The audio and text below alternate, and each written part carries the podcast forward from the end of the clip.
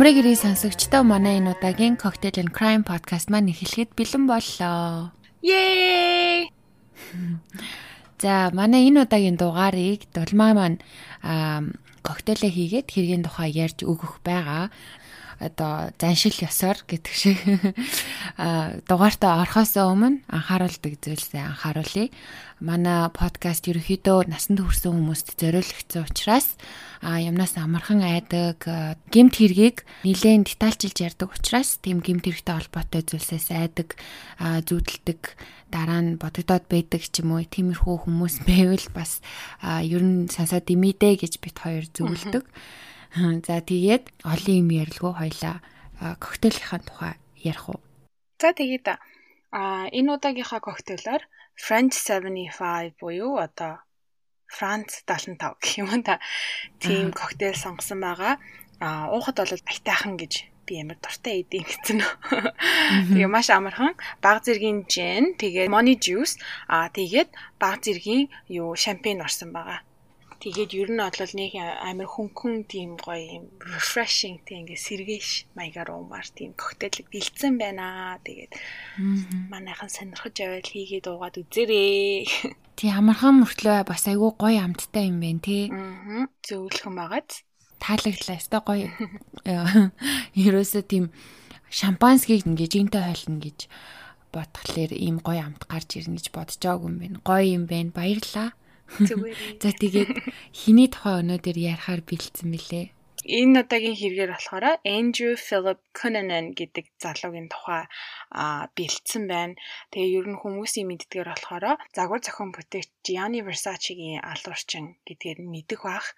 Тэгээ энэ залуугийн тухай ярихаар бэлдсэн байна. Andrew Philip Cunanan болохоор 1969 оны 8 сарын 31-ний өдөр Калифорни мужийн National City гэх хотод айлын отгонхүү болон мэндэлсэн байдаг. Түүний эцэг нь болохоор Филиппино гаралтай Modesto Cunanan гэх хүн байгаа. Тэрээр одоо Америкийн тэнгисийн усан цэрэг байсан.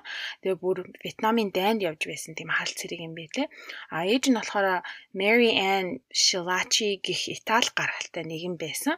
Тэгээ манайхаа одоо зургийг нь харж байгаа бол Эндрю ер нь харахад бол амар царайлаг юм Итали гаралтай, Филиппино гаралтай тийм залуу байна. Түүний эцэг нь цэргээс ирээд оройн сургуульд суран одоо хөрөнгийн биржд брокероор ажиллаж эхэлсэн бөгөөд ер нь тэдний амьдрал нь тийм нэлээд гайгүй болсон байдаг. А Энжогийн хувьд болохоор багасаа л ер нь юм нэлээд гайгүй айлын хүүхдүүд явдаг тийм хувийн сургуулиудаар ер нь явж боловсрлоо авсан байдаг.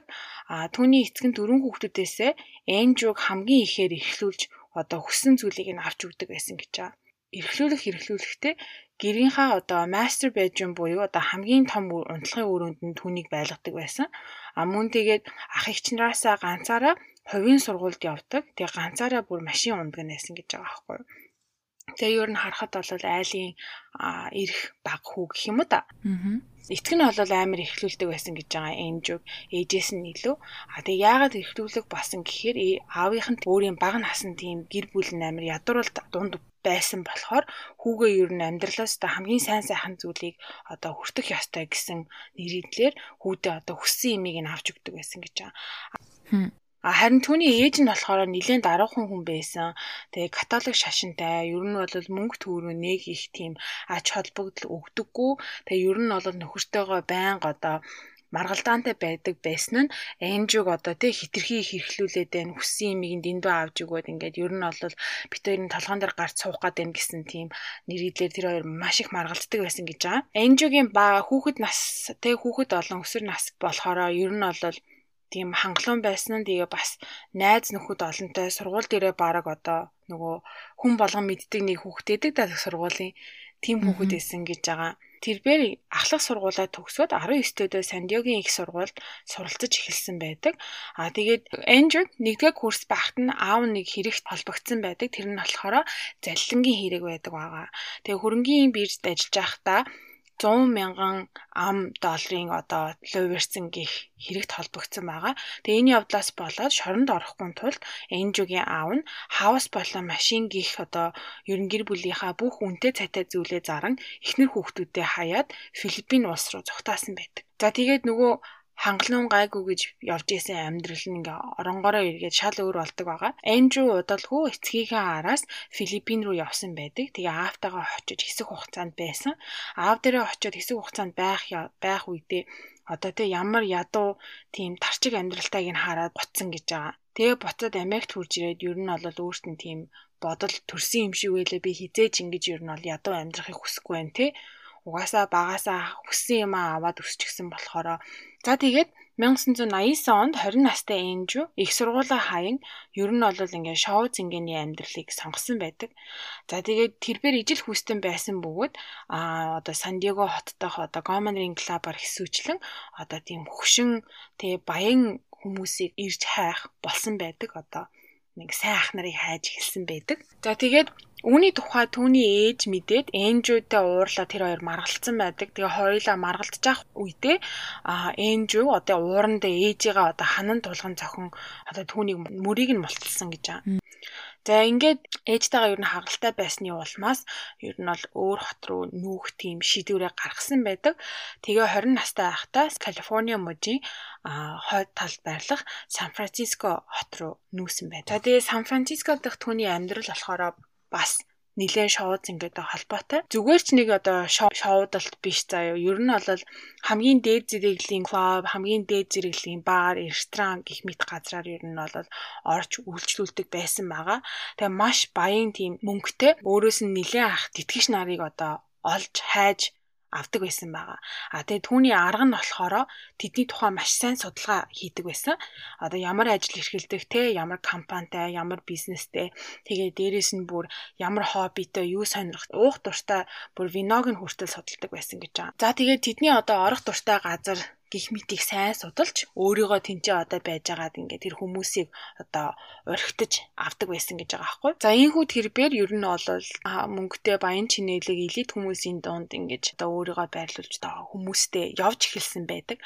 Аа тэгээ энэ хүү худалч одоо хуурмаг дүр төрх нь зөвхөн түүний тэтгэж явдаг ах нартаа харуулдаг зан нь биш байсан байгаа. Найз нөхөдтэй ч гэсэндээ өөрийгөө ер нь бол баян гэж ярьдаг. Аавыгаа ерөөсөө ингээд мөнгө л уурдаа зогтаасан гэдгийг хэн ч хэлээгүй. Харин ч эсэргээрээ эцэг их маань одоо надаа маш их хэмжээний мөнгө өвлүүлсэн. Зарим хүмүүс болохоор ингээд Филиппин улсад одоо манай аав ээж хоёр юм сахарны үйлдвэр компанитай тийм болохоор би ингээд хангалттай амьдарч чаддаг. Ерөөсөө ажил мажил хийх шаардлага байхгүй гэж хүмүүст хэлдэг байсан байгаа аахгүй. А яг үнэндээ болохоор дандаа тэтгэгч нартай байдаг. За ингэж явсаар агаад 1995 онд 26 настай Энжүү одоо анхныхаа хайртаа учирсан бөгөөд тэр нь Дэвид Матсон гэх залуу байсан байгаа. А тэр залуу нь болохоор нэлээд амжилттай бас авиастай тийм архитектур мэрэгчлэлтэй залуу байсан. За тэгээ тэр хоёр дотны харилцаа үүсгэж тэр хоёр одоо холын зайнаас үерхэж эхэлсэн байдаг. Дэвид нь болохоор Миннесота мужид амьдардаг харин Андрю Калифорни мужид амьдардаг болохоор нэлээд зайтай байсан байгаа зэн хоёр. За гэвч харамсалтай нь тэдний дотны харьцаа удаан үргэлжлээгүй. Холын зайнаас үерхэх нь Дэвидэд хэцүү байсан учраас тэр Энжуг хайсан байдаг. Тухайн үед түүний сайн найз байсан Jeffrey Trail гэх найз нь түүний бас энэ худал хуурмаг амьдрал болон одоо хар тамхины хамааралтай байсан тэр байдлаас нь залхаж түүнтэй бас хагарсан байдаг. Чиний амьдарж байгаа амьдралын хэв маяг чинь надад таалагдахгүй энэ чи одоо өөрийгөө засаж аав үгүй бол би чамтай ингээд найзлахыг хүсэхгүй байна гэдгийг илэрхийлсэн байдаг. А бас дээрэс нь Энжугийн одоо нэг зан чанар нь болохоор тэр сайн найз гих Джефриг ер нь бол ингээ удирдах дуртай. Одоо Джефригийн бүх анхаарал те ямагт байнга одоо энжүүдэ байх ёстой хаач байсан тий тэгээ бас дээрэс нь одоо өмсөж зүүх юмыг нь амар ингэж дуурайдаг. Тэгэл бид хоёр заавал ингээ хослох ёстой. Яагаад гэвэл бид нэр сайн найз уучраас гэдэг утгаараа амар Джефриг одоо удирдах гэж оролддог байсан байгаа байхгүй юу Тэгээ тэр тэр байдал нь Джефрид үнэхээр таалагдаагүй токсик харилцаа гэх юм уу да токсик нөхөрлөл болоо явчихж байгаа байхгүй. Тэгээ Джефри окей би чамтай ингээд найзлахыг хүсэхгүй байна гэдээ яг тухайн үедээ Эндрю найз залуудаа болон сайн найзтай ингээд хаягддаг байгаа нэг ёсондоо. Эндрюгаас одоо найзынхаа холбоог таслаад төд удалгүй Джефри а өөр муж руу ажлын журмаар нүүх болсон байдаг. Тэгээ ядаж байхад тэр нүүсэн муж нь болохоро Энжугийн экс амьдардаг Миннесота муж руу нүүсэн байгаа аахгүй. Бүр ядаж байхад яг амьдардаг бүр хот руу нүүсэн байгаа. Тэгээ тэр мэдээг сонсоод Энжу мэдээж дуртай байгаагүй. Яагаад гэвэл тухайн үед экстэй одоо хүртэл хайртай байсан. Тэгээд сайн найз болон X хоёрыг хардаж эхэлсэн гэж байгаа байхгүй юу. Энэ хоёр ингээд миний араар ингээд явж байгаа. Одоо нэг газар руу хамтдаа нүгээд хамтдаа амьдрах чинь гэдэг тийм хар сэтгэлд нь үүссэн гэж байгаа. X болон сайн найздаа хаягдсаасаа хойш тэр ингээд хар тамхи болон архийг одоо баг маргааш үгүн хэрэглэж эхэлсэн байдаг. 1997 оны 4 сард Jeffrey-тэй холбоо бариад би чам дээр очиж ингээд зачилмаар байгаа байна. Тэгээ хоёлаа ингээд ярилцъя гэж хэлсэн байдаг. А тухайн үедээ Jeffrey болохоор дургу байсан ч гэсэндээ за за найзал юм байсан юм чинь те одоо үрж ирээд бас өөрчлөгдөж байх юм болов бит хоёр очроо олох юм болов гэж горцсон юм шиг байгаа. Тэгээд Энжүг за за хүрээ дээр дэж манад байж болно гэд гэртээ урьсан байдаг. Тэгээ тухайн үедээ Энжүү одоо шоуцараагаа хүү болсон үлдсэн бүх мөнгөө шавхан байж Миннесота муж руу нисэх тийм тасалбараа авсан байгаа. За тэгээ Миннесотад очиод эхлээд X-индээ хоёр хонсон бай. Тэгээд 3 дахь өдрөө сайн найз болох Jeffrey-гийн дэ хонсон байдаг. Тэгээ тухайн үед тэр хоёрын хооронд маргалтаан болж Эндрю уурлан Jeffrey-гийн гар бүг аван одоо X-ийнхаа гэрт очисон байдаг. А тухайн үед нь X нь гэртээ байгаагүй учраас Эндрю найз руугаа залхаад окей чи хурж ирээд бууга аваад авангаа надтай ингээд ярилцаа хоёулаа одоо бүх юмаа ингээд шийдий гэж хэлсэн байдаг. А ингээд 4 сарын 27 оны орой оройны одоо 9 цаг 45 минутын үед Jeffrey Эндрютэй уулзахаар ирсэн байдаг. Тэгээ Жефриг хаалгаар орж ирэнгуут нь түүнийг алхаар нүүр болон толгой хэсэгт нь цохин хөнөөсөн байгаа. Ийхүү Jeffrey Trail нас арахтаа 28 настай байсан бөгөөд түүний цогцыг 2 хоногийн дараа буюу 4 сарын 29-ний өдөр Дэвидийн гэрт дивааных нь ард хевсэнд ороасан байдалтай олсон байдаг. Тухайн үед Andrew X болох Дэвидийг ер нь бол барьцаалалтын байдалтай байлгасан гэж байгаа. Жефриг хөнөөчөө Дэвидийг дагуулan гадуур явж байсан байгаа. Тэгээ маш олон гэрч тэр хоёрыг харсан байдаг. Хамтдаа Дэвидийн нохоог одоо салхилуулах, тэгээ хоёулаа хамтдаа гарч өдрийн цаймаа уух гэд бараг 7 хоног шахам тэгж хамт байсан гэж байгаа аахгүй. Байдлыг харахаар болохоор Дэвидийг хүчээр одоо тэ буутаа штэ хүчээр буу барин ингээд дагуулan явдаг байсан байдал. Тим одоо чим минийх биш л бол өөр хэнийгч байж болохгүй гэсэн бодолтой байсан юм шиг байгаа. За тэгээ сайн найз болох Джеффри хөнөөсний 6 хоногийн дараа 5 сарын 3-нд түүний хайрт зал хайртай залуу болох Дэвид Мэдисны цогцос а хотоос цагийн цайтай байх Rush нуурын ирэг дээр ар нуруу болон дагцсан тус газраа буудуулсан байдалтай олцсон байдаг. За ингээд Эндрю сайн найз болон хайртай хүний хөнөөчлөө. За энэ байдлаас тухтаан явсаар агаад 5 сарын 4-нд тэр Illinois мужийн Chicago хотод ирсэн байдаг. Тэгээ Chicago хотод ирээд Gold Coast гэх тийм нэлээ ер нь баячуудын амьдардаг одоо downtown хотын төвтэй ойрхон тийм газарт амьдрах Lee Miglin гих 72 настай эрэгтэйг дараагийн байгаа болгон авсан байдаг. А Ли Миглен болохоор үйл хөдлөх хөрөнгийн бизнестэй нэлээд баян хүн байсан бөгөөд Эндрю Түүний хөл гарыг скотчоор ороож байгаад цээж тус газар навтиркаар 20-оос дээш удаа зоож түүний хоолойг төмрийн хөрөөгөөр хэрцэн хөнөөсөн байдаг.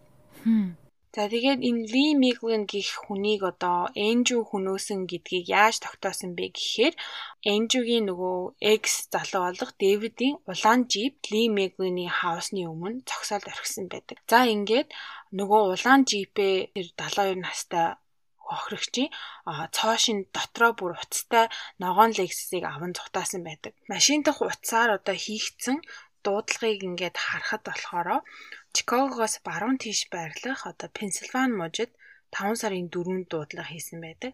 А тэгээд 5 хоногийн дараа буюу 5 сарын 9-нд New Jersey мужид тус тус дуудлага хийсэн байдаг. Тэр үедээ Andrew Cunanan холбооны мөрдөх товчооны одоо 90 сурвалжилж буй топ 10 хэрэгтнүүдийн нэгээр 90 сурвалжлаж байсан байгаа. Тэгэхээр мэдээж одоо түүний царай зураг хүрэг бол зурагтаар нэг радиогоор нэг ингээд одоо түүний тухай яригдчихсэн байгаа. За ингээд Нью Жерсид явж байхдаа Pennsville Township гэх жижигхэн хотод төр зогссон байдаг. А яагаад гэвэл тэр машинаас хэлбэх хэрэгтэй байсан. Ингээд нэгэн оршуулгын газар орсон бөгөөд тэнд ажиллаж байсан 45 настай William Reese-ийг буудан хөнөөсөн байдаг. За өмнөх хохирогч нартай харьцуулаад харахад William-ыг одоо алий гэж алаагүй байгаа харагдсан. А яагаад гэвэл өмнөх хохирогч нар дандаа нэг бол ингээ хутгалсан, хоолойг нь хэрцэн тий мөн ингээ алхаар цохиж алсан гих мэт байсан боловч харин William-ыг машиныг нь авах зорилгоор зүгээр буудаж хөнөөсөн гэж үзэж байгаа. За ингэж явсаар хагаад Andrew 5 сарын 12-нд гэхэд Florida мужийн Miami хотод ирсэн байдаг. А ингээд Miami хотод 2 сарын турш хулгай хийж хулгайсан эд зүйлсээ pawn shop буюу одоо монголоор ламбард нь тавьж зочид буудалд бэлэн мөнгөө төл тооцоогоо хийн амьдэрсэн байдаг байгаа. За тэгээд 2 сарын турш байхдаа ямарваа нэгэн тийм хүн амьдах хөнөөгөөгүй. Тэгээд 1997 оны 7 сарын 15-ны өглөө 8 цаг 45 минутын үед 50 настай алдарт загвар зохион бүтээгч Gianni Versace одоо өглөөний кофе болон өглөөнийхөө уншдаг сэтгүүлээ аван гэртээ ирсэн байдаг. А гэртээ ирэх үед түүнийг Эндрю Кюнен нь ухтан авч энхүү одоо Gianni Versace харамсалтайгаар толгойнхоо ард нэг зүүн хацартай нэг буудуулан нас орсон байдаг. Тухайн үед гудамжинд явж байсан хүн одоо босын явдлыг харсан бөгөөд Эндрюгийн араас хөөсөн боловч түүнийг барьж авч чадаагүй байдаг. Тэгээ энэ явдлаас хойш 8 хоногийн дараа буюу 1997 оны 7 сарын 23-нд Эндрю Кюнен нь Майами эрэг дээрх байрлах онгоцон тийм хаусн дотор амрууга өөрийгөө буудан амиа хөнөөсөн байдаг. За хэрэгэлсэн буу нь болохоор нөгөө Jeffrey найзаасаа хулгайлан авсан буу бөгөөд энэ буугаараа бүх хохирогч нараа буудан хөнөөсөн аж. Ер нь бол Andrew Cunanan гих залуугийн цуврал аллах дууссан байдаг. Тэгээ хэрэгтэн өөрөө нас орсон учраас тэг яг юунаас яагаад ийм зүйл хийх болсон нь мэдээж 100% тодорхой биш. Гэхдээ бол мэдээж маш олон таамаглал байдаг. Нэг таамаглал нь болохоор Энжи өөрөө тэр сайн найз болох Джеффритэйгээ амаргийн холбоотой байсан бөгөөд түүнээс дох авсан. Тэгээд сайн найзыгаа алсан таамаглаж исэн. За харин X-ийг яагаад хөнөөсөн бэ гэхээр сайн найзтайгаа харцсан улмаас тэгээ тэр ирчэндээ одоо зүхтааж явж байгаад бусад хүмүүсийг хөнөөсөн гэж таамагладаг байгаа. А гэхдээ бүх зүйл дууссаны дараа түүнийг задлан шинжилгээгээр оруулахад түүний цус нь дох илрээг байгаа. А Ли Миглен гэдэг 72 настай хүний хувьд болохоор яг бол 100% баттай мэдээлэл байхгүй. Гэхдээ ер нь хэргийн газар очиж шинжилгээ хийсэн мөрдөн байцаагч нарын хэлснээр энэ бол хүчээр түүний герт ороогүй. Ли өөрөө одоо гэртээ сайн дураараа Энжиг оруулсан байдалтай байсан. А тийм болохоор тэр хоёр бас амаргийн холбоотой байсан байх магадлалтай гэж үздэм билээ. А харин лигийн ихнэр хэлэхдээ бит хоёр амар олон жил хамт байсан. Манай нөхөр бол хизээч тийм ижил хүүстэн сонирхсан тийм юм хийж байгаагүй гэж хэлдэг байгаа. Тийм болохоор Ли Меглоны хувьд бол яагаад түүнийг хөнөөсөн, яаж ямар холбоотой гэдг нь бол одоо тийм баттай мэдээлэл байхгүй. Аа загвар зохион бүтээгч Gianni Versace-г алах болсон бэ гэвэл түүнд одоо атаархаж байсан гэж үздэм байлээ. Тэгээ тухайн үедээ Gianni Versace нь өөрөө одоо gay icon уу юу хэмд одоо монголоор одоо тухайн үедээ тэ ижил хүүснүүдийн дунд одоо маш алдартай амжилттай сайхан амьдарч байгаа тим ижил хүүстэн байсан одоо тухайн үеийн ижил хүүстэн болгон Gianni байхыг хүссэн тий. Тэгээд тэр атаархлаасаа болоод явсаар агаад түүний хүнөөсөн байх магадaltaй гэж таамагладсан байлээ. А бас нэг таамаглал нь болохоор 1990 онд Gianni Versace Сан Франциско хотод хотын дуурийн бүжгийн театрт одоо загвар зохиох гэж загвар зохион бүтээх гэж очсон байдаг. А тэр үедээ Энжүүтэй танилцж тэр хоёр хоорондоо одоо амаргийн ч юм уу холбоо тогтоосон гэж байгаа. А гэвч Жианид одоо нэг амар тэм сэтгэл үлдээгээгүй болохоор Энжүүг одоо ашиглаад тэг ашигласан мэт ингээ хайсан байдаг. А тэрэнд Энжүү үш хонзон санаж Versace-г зорин очиж хөнөөсөн гэж таамаглалт юм бэлээ. Энэ болохоор бас яг 100% баттай дийлэл биш юм бэлээ. А тэгээ шинжээчдийг үзнээр болохоор Энжүү маш амар нарциссист хүн байсан. А тэгээд түүний одоо нарциссист занг тэ дэмжээгүй одоо үгүйсгдэг хүмүүст ер нь өсөрхөж дургуутж байсан гэж үздэгюм билээ. Мөн түүний одоо амьдрал томоохон томоохон нөлөө үзүүлсэн хүн нь болохоор түүний эцэг гэж үздэг хүмүүс. А яагаад гэвэл бага ахт нь хүссэн юмыг нөгөөд амар эрхлүүлээд чи одоо хорвоогийн хамгийн сайн сайхан бүхнийг хүртэх ёстой гэж өсгсөн атлаа тэр одоо хүртэх юмныхаа төлөө ажил ажиллах хэрэгтэй гэдгийг юусоо зааж сургаагүй гэх юм уу та. Одоо монголчлох юм бол ер нь эрхэн дэндэж буруу эрхэлсэн, тэгж өссөн, тэгж өссөн улмаас одоо насанд хүрээд те ингээд төлөвшөөд амар тийм буруу сонголт хийх болсон гэж үздэм билээ. За тэгээд нэг ийм хэрэг байна. Би бас энэ хэргийг ингээд судалж үзэхээс өмнө Энжу гэдэг залуу одоо бүр Gianni Versace-г очиод бүр зориод хөнөөсөн гэж бодож байсан аахгүй юу. Энэ хоёр ингээл бас нэг амаргийн холбоотой байсан. Тэгээд хаягдсандаа одоо шонзон санаад очиод хөнөөсөн гэж бодсон чинь бас яг ухаад түнхий судлаад үтсэн чинь арай өөр юм шиг санагдаад явт. Энэ тэгээд тохиолдлоор очиод яасан байж таарсан үү те. Ер нь бол тэгэж таарсан. Тэгээд тухайн үед Gianni Versace-гийн тухай бол маш олон тийм баримтат кино байдаг. Тэгээд тэр баримтат кинон дээр одоо найзууд нь хүсэн ярилцлага гэхээр Gianni Майамид амар дуртай байсан. Тэгээ Майамигийн хүмүүс ч гэсэн түүнийг маш илдгээр гой хүлээж авсан учраас хичнээн одоо алдартай нэртэй хүн ч гэсэндээ ерөөсөө би хамгаалагч авч явдаггүй. Зүгээр л нэг энгийн хүн юм шиг ганцаараа яваал тэг кофегаа авч яваал хоолоо идэл сэтгүүлээ аваал ингээл явж идэг байсан гэж аа.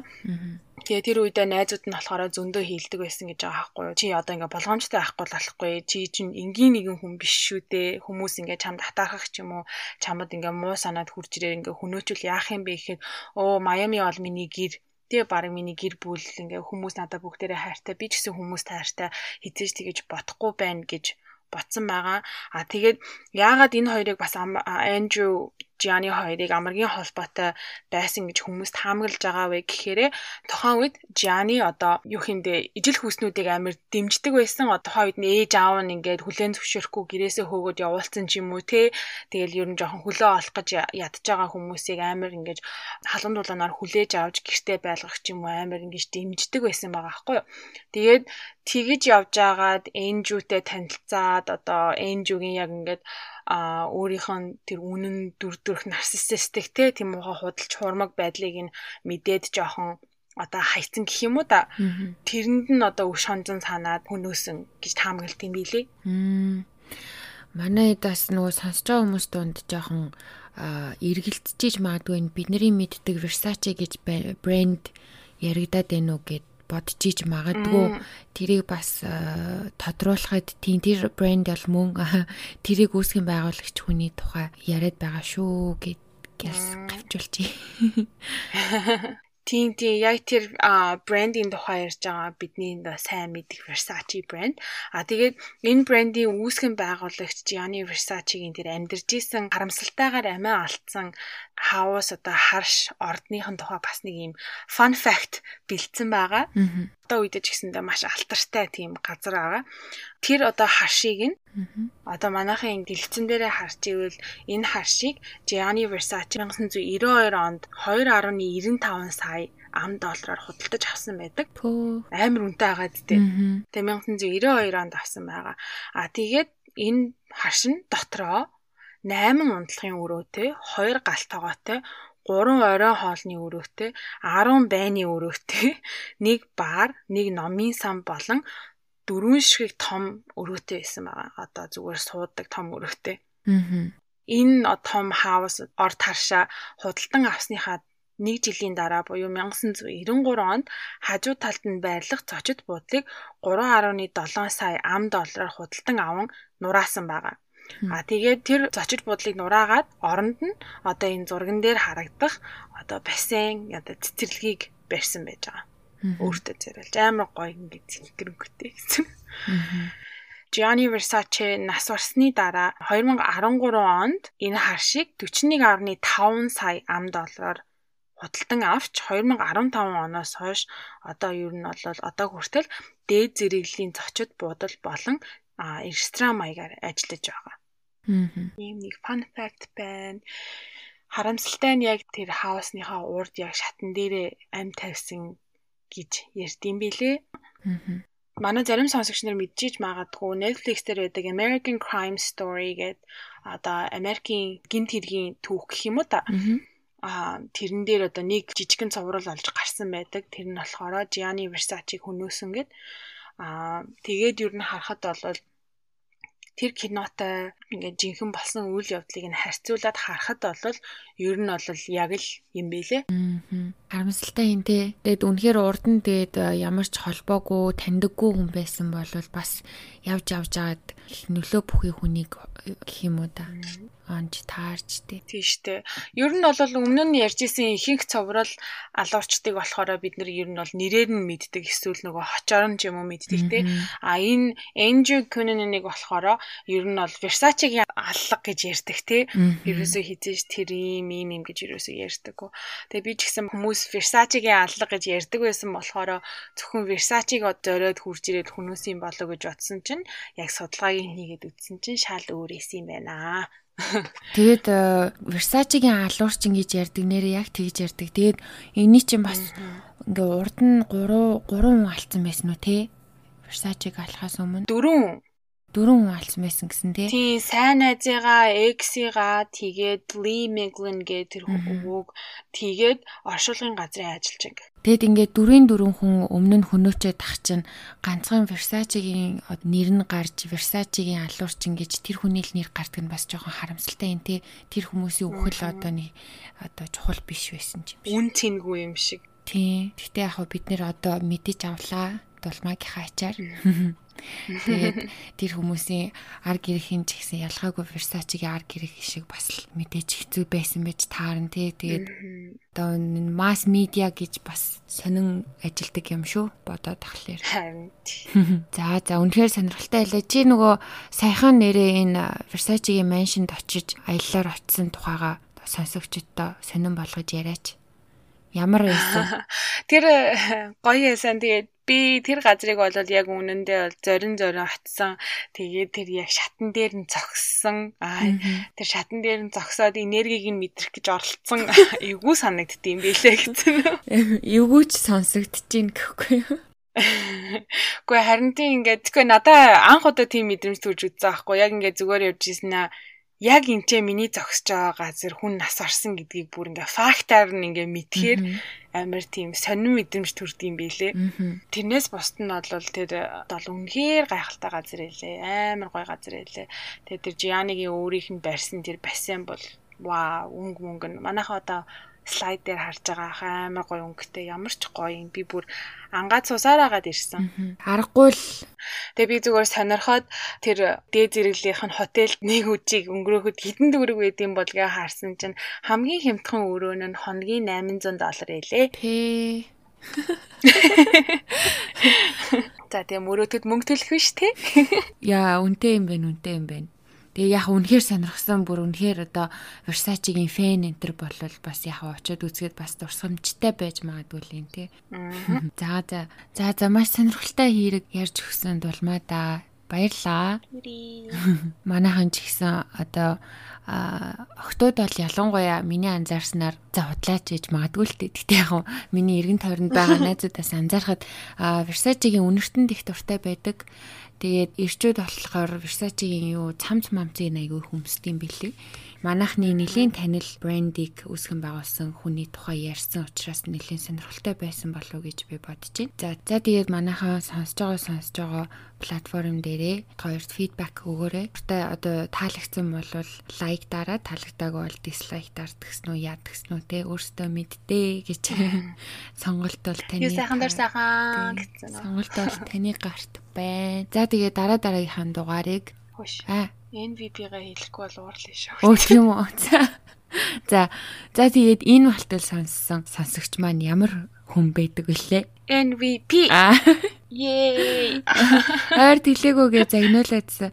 Хаяа марчих юм уу? Өршөөгөөрэй гэж.